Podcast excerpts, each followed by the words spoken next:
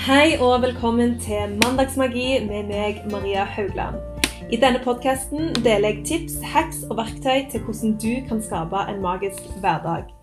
Om du vil ha mer inspirasjon fra meg, følg meg på Instagram at mariahaugland.no, eller besøk min hjemmeside mariahaugland.no for nettbutikk og blogg. Der finner du bl.a. min bestselgende gurkemeieblend, som er en økologisk og betennelsesdempende miks du enkelt lager gullmelk med. Men nå, nå kjører vi i gang med dagens episode av Mandagsmagi. God morgen og god mandag. Jeg håper du har en nydelig, nydelig start på en ny uke. Før jeg starter dagens episode, vil jeg bare minne deg på at nettbutikken mariehaugland.no er fulgt opp med gyllengurke meieblend.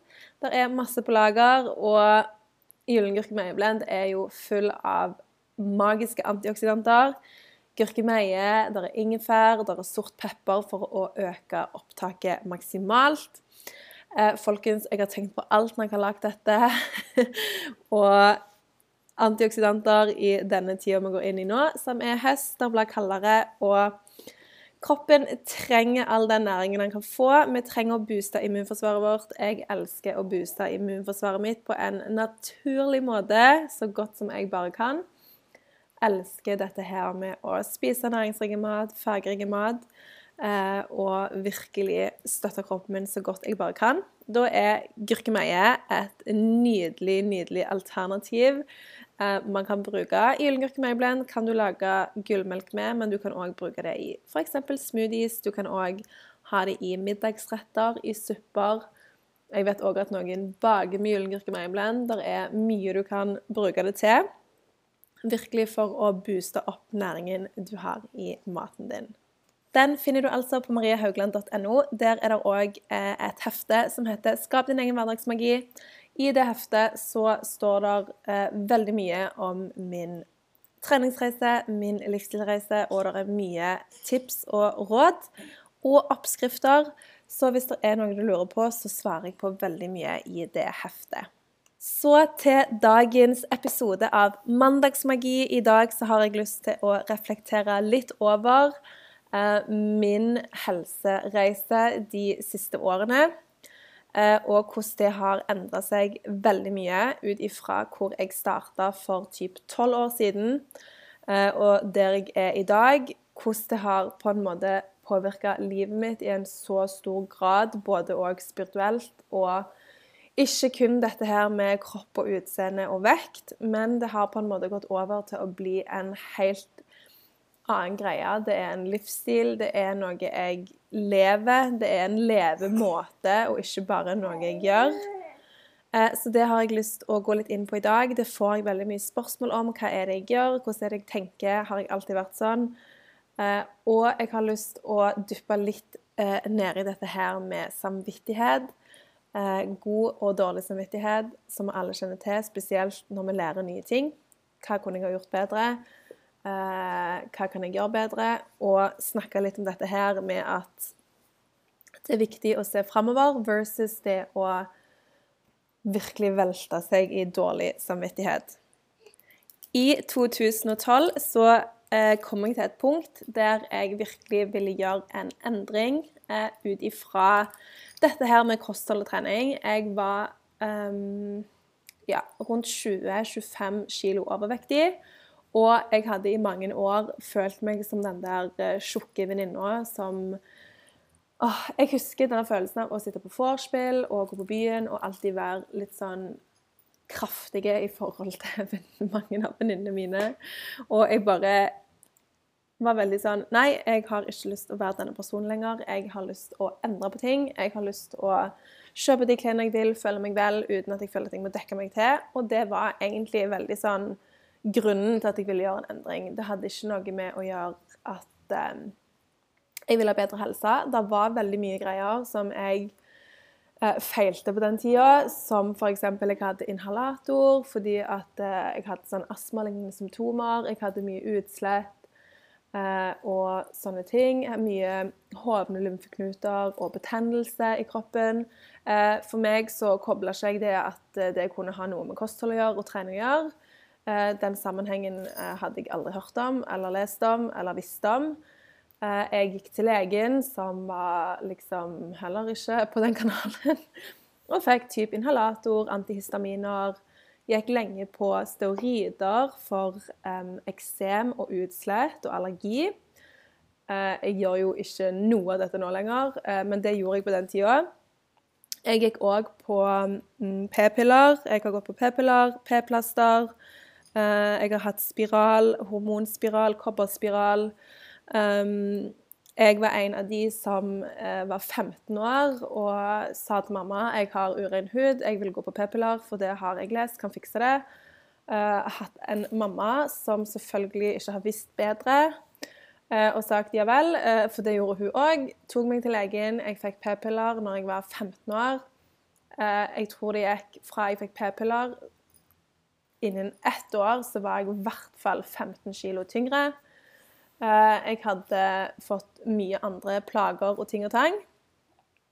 igjen så jeg ikke sammenhengen mellom de p-pillene og den ekstreme hormonubalansen som da var skjedd i kroppen min, og gikk da på hormonell prevensjon i veldig, veldig mange år. Eh, fra jeg var 15 til jeg var mm, 24.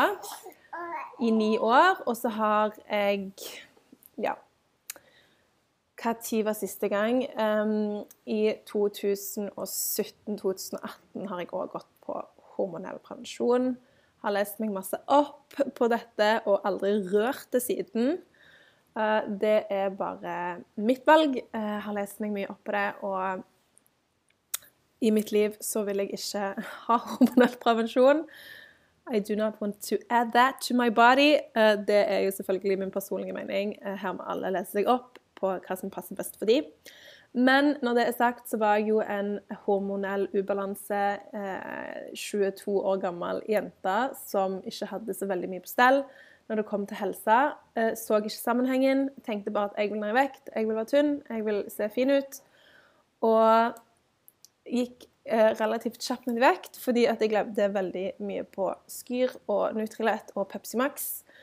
Eh, så selvfølgelig så gikk jeg veldig raskt ned i vekt og elska det. Elska å være tynn. Ble kjempetynn og bare This is life. Skinny. Og det var jo kjekt så lenge det varte, helt til nye ting begynner å poppe opp fordi at du er helt du er tappa for næring. Jeg levde vel på kanskje 15, 1500 kalorier til dagen. Um, sikkert like mye kalorier som Ulrik og Klara uh, spiser. Sikkert, uh, De trenger sikkert mer enn det, I don't know, men det er i hvert fall ikke nok for en voksen kvinne med en menstruell syklus. Og um, hadde store problemer med masse kroppslige plager. Jeg hadde jo to um, spontanaborter i uke 10 og uke 12 uh, i denne perioden.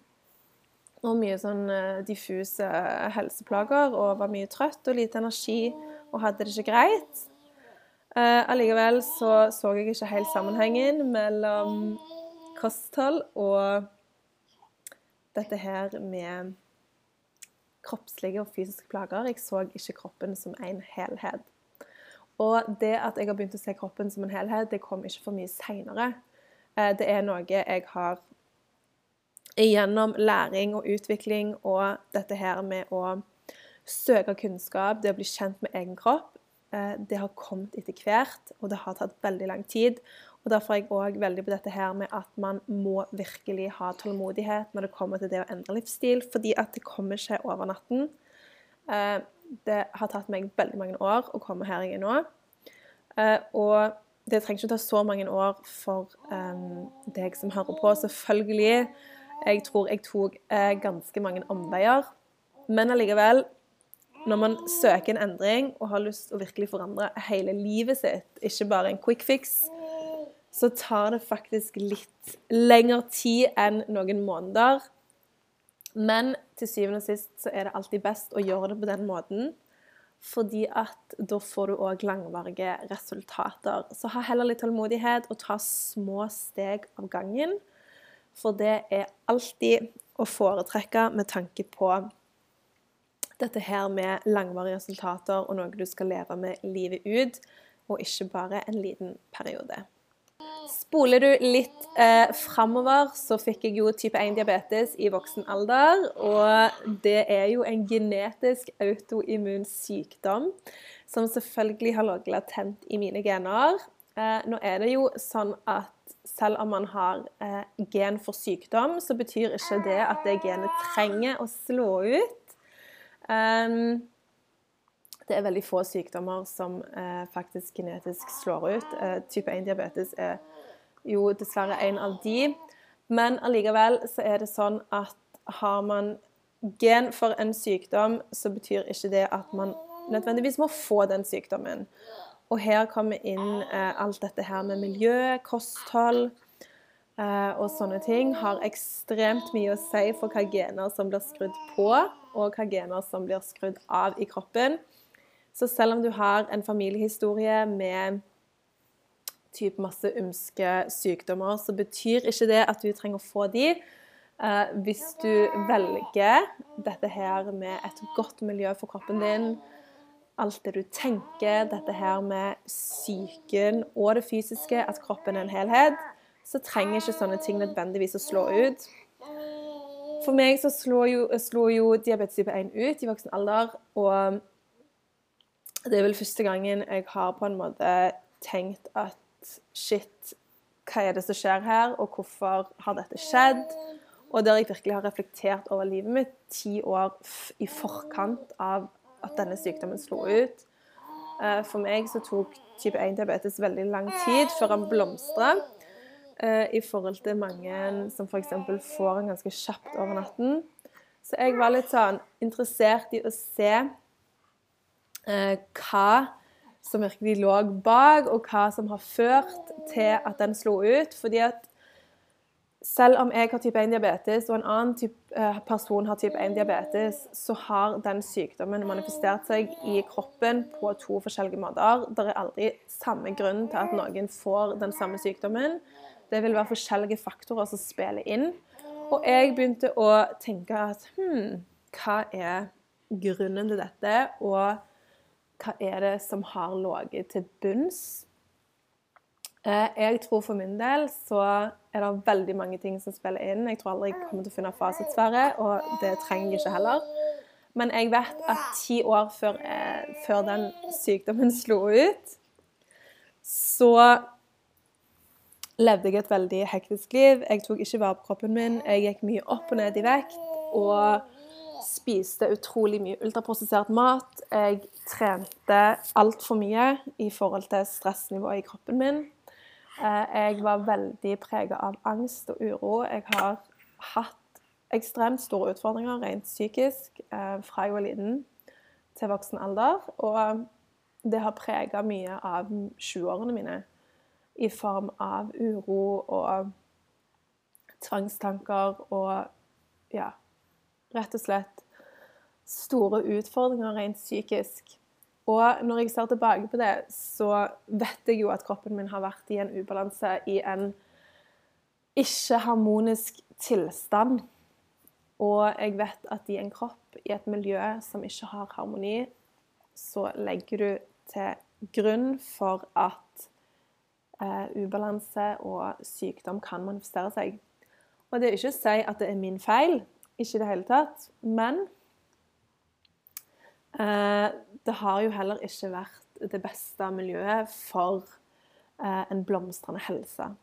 Og det har jeg heldigvis lært at man kan endre på. Eh, man kan endre på miljøet i kroppen sin, man kan endre på hva man velger å ta inn. Man kan velge å endre på ting man bruker, ting man spiser, og til og med hvem man er med. Faktisk påvirker jo kroppene våre. Man kan endre tarmfloraen sin, eh, der nesten hele immunforsvaret sitter. Immunforsvaret vårt er jo nesten i, i tarmen. Man ehm, kaller jo tarmen den andre Altså det er den andre hjernen. Det er et så stort eh, miljø i tarmen som nå virkelig begynner å komme fram som utrolig interessant innen forskning. Og dette her med mikroorganismer og bakterier som sitter i, uh, i magen vår. Uh, og dette her med at veldig mange kroniske sykdommer stammer fra dårlig fordøyelse og dårlig forhold i magen.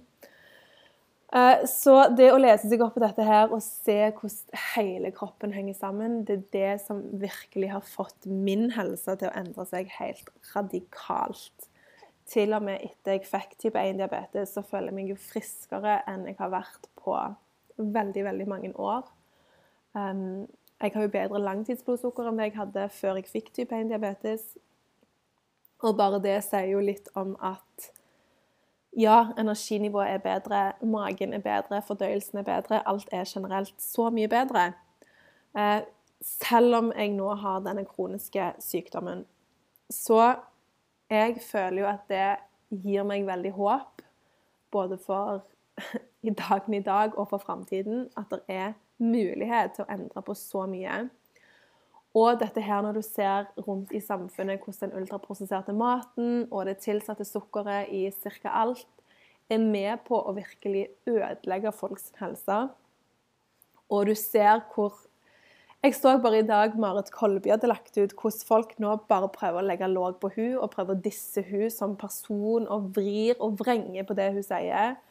Fordi at hun virkelig tør å utfordre the big guys. Hun tør å utfordre det som har vært, eh, de rådene som har vært, Man virkelig snu på hver eh, en mynt og bare Hva med dette? Hva med dette? Hva med dette? Og det første tegnet på at noen er på rett vei, det er at folk prøver å legge låg på dem. Det er det første tegnet du skal se etter når folk er på det rette sporet. Det er at folk begynner å så tvil om dem. Og det er så interessant å se, for jeg føler jo at jeg er the prime example i mitt eget liv. Hvordan jeg har endra dette med eh, mitt liv med kosthold, og hvordan jeg eh, har valgt å f.eks. kutte ut på visse ting og heller legge til mer gode ting for kroppen. Mitt mål før var jo det å se bra ut. Jeg hadde bare så sykt lyst å være tynn. Eh, og målet mitt nå det er å være den beste versjonen av meg sjøl, den friskeste versjonen av meg sjøl. Jeg vil ha energi, jeg vil ha glød. Jeg vil kunne sitte og ha en normal samtale uten å være helt i ammetoga. Selv om jeg har amma fire ganger i natt, så har jeg ennå lyst til at kroppen min skal ha energi og overskudd. Jeg har lyst til å kjenne at eh, du vil gå på do hver dag. At er du renser systemet ditt naturlig. Du er ikke avhengig av masse detox cleanses, men du kjenner at kroppen min klarer faktisk å rense seg sjøl. Eh, du har god hud. Eh, huden er myk og fin. Du gløder. Der vil jeg være nå. Og selvfølgelig, når du på en måte trener og spiser næringsrik mat, så vil det jo selvfølgelig òg komme fordeler i form av dette her med hvordan kroppen din ser ut. Eh, selvfølgelig så vet jeg jo at jeg ikke blir overvektig når jeg trener og spiser som jeg gjør. Eh, men fokuset mitt er liksom ikke lenger på hvordan jeg ser ut. Det er på en måte bare en sånn bi-greie. At ja, resultatet blir jo en veldig eh, bra og fin kropp fordi at du velger å ta vare på kroppen din. Men det er liksom ikke fokuset. Fokuset mitt nå det er å virkelig være i my prime zone. Eh, jeg er småbarnsmor. Jeg har mitt eget firma. Jeg er på jobb ganske mye. Og allikevel vil jeg være masse med ungene mine og tilstedeværende. Og da trenger jeg eh, all den energien jeg kan få. Så det jeg prøver å tenke nå, det er hva kan jeg gjøre i dag for å virkelig booste energinivået mitt, sånn at jeg har overskudd gjennom hele dagen, versus det å tenke hva kan jeg gjøre i dag for å gå ned i vekt, og hvor lite kan jeg spise i dag for å eh, ikke legge på meg. Og det òg var en sånn greie. Jeg veide meg så ekstremt mye. Jeg veide meg hver dag en periode. Og det at vekten går opp og ned, det er jo helt normalt, men jeg kunne få helt panikk. Og da som resultat spise enda mindre. Det jeg ikke skjønte da, det er jo det at muskler veier jo mer enn fett. Og man vil jo heller ha masse muskler og veie mer enn å være sånn tynnfeit og veie mindre, men du har liksom nesten ingen muskler. Så det å liksom bare tilegne seg masse kunnskap og lese seg opp på ting, det har hjulpet meg i å være mer sånn realistisk hva det egentlig helse handler om. Det handler faktisk om dette med langsiktige mål, og det handler om mer enn å være bare tynn og passe inn i eh, super skinny jeans. Det handler faktisk om det å føle seg vel 100% av tida.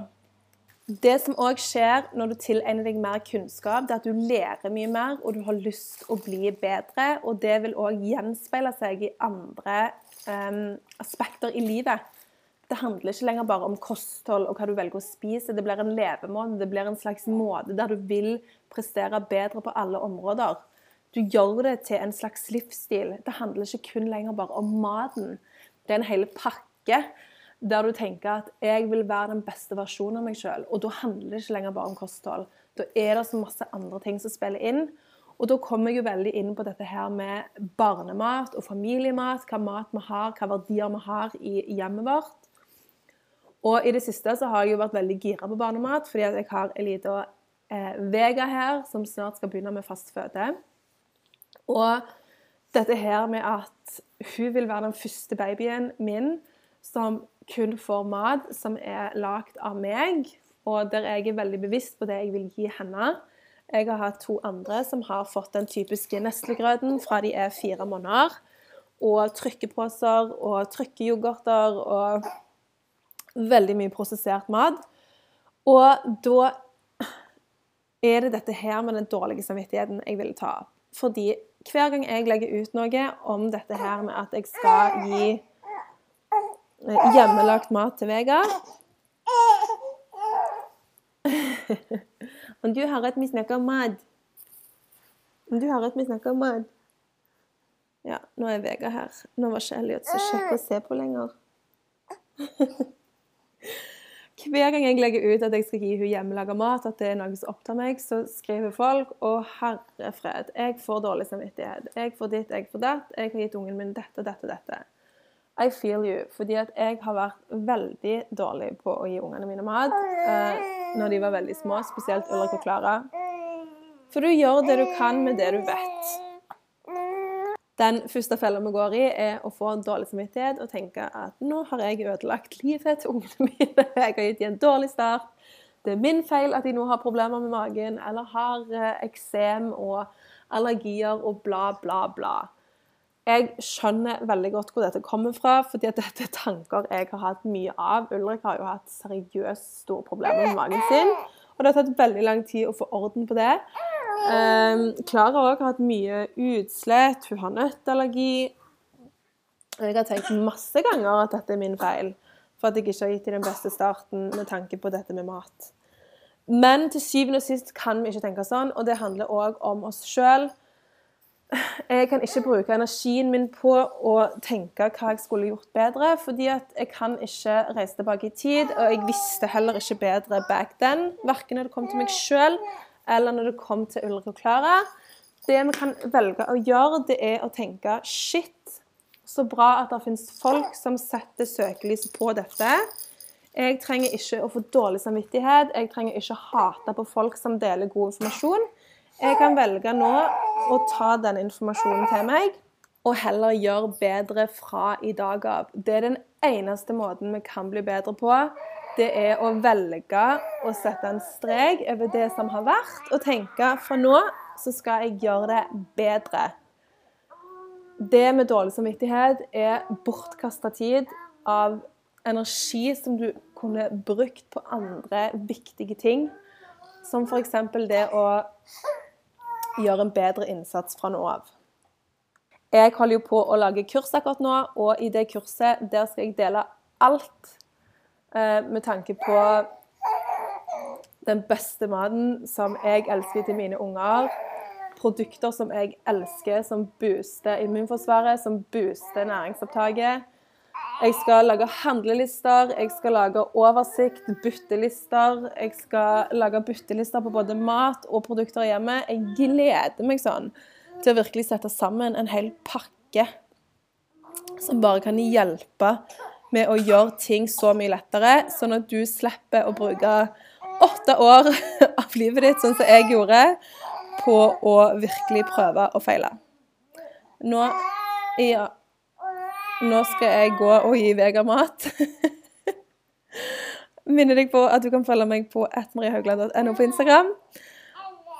Ja, Vegard. Så ønsker jeg deg en nydelig, nydelig uke. Snakkes neste mandag.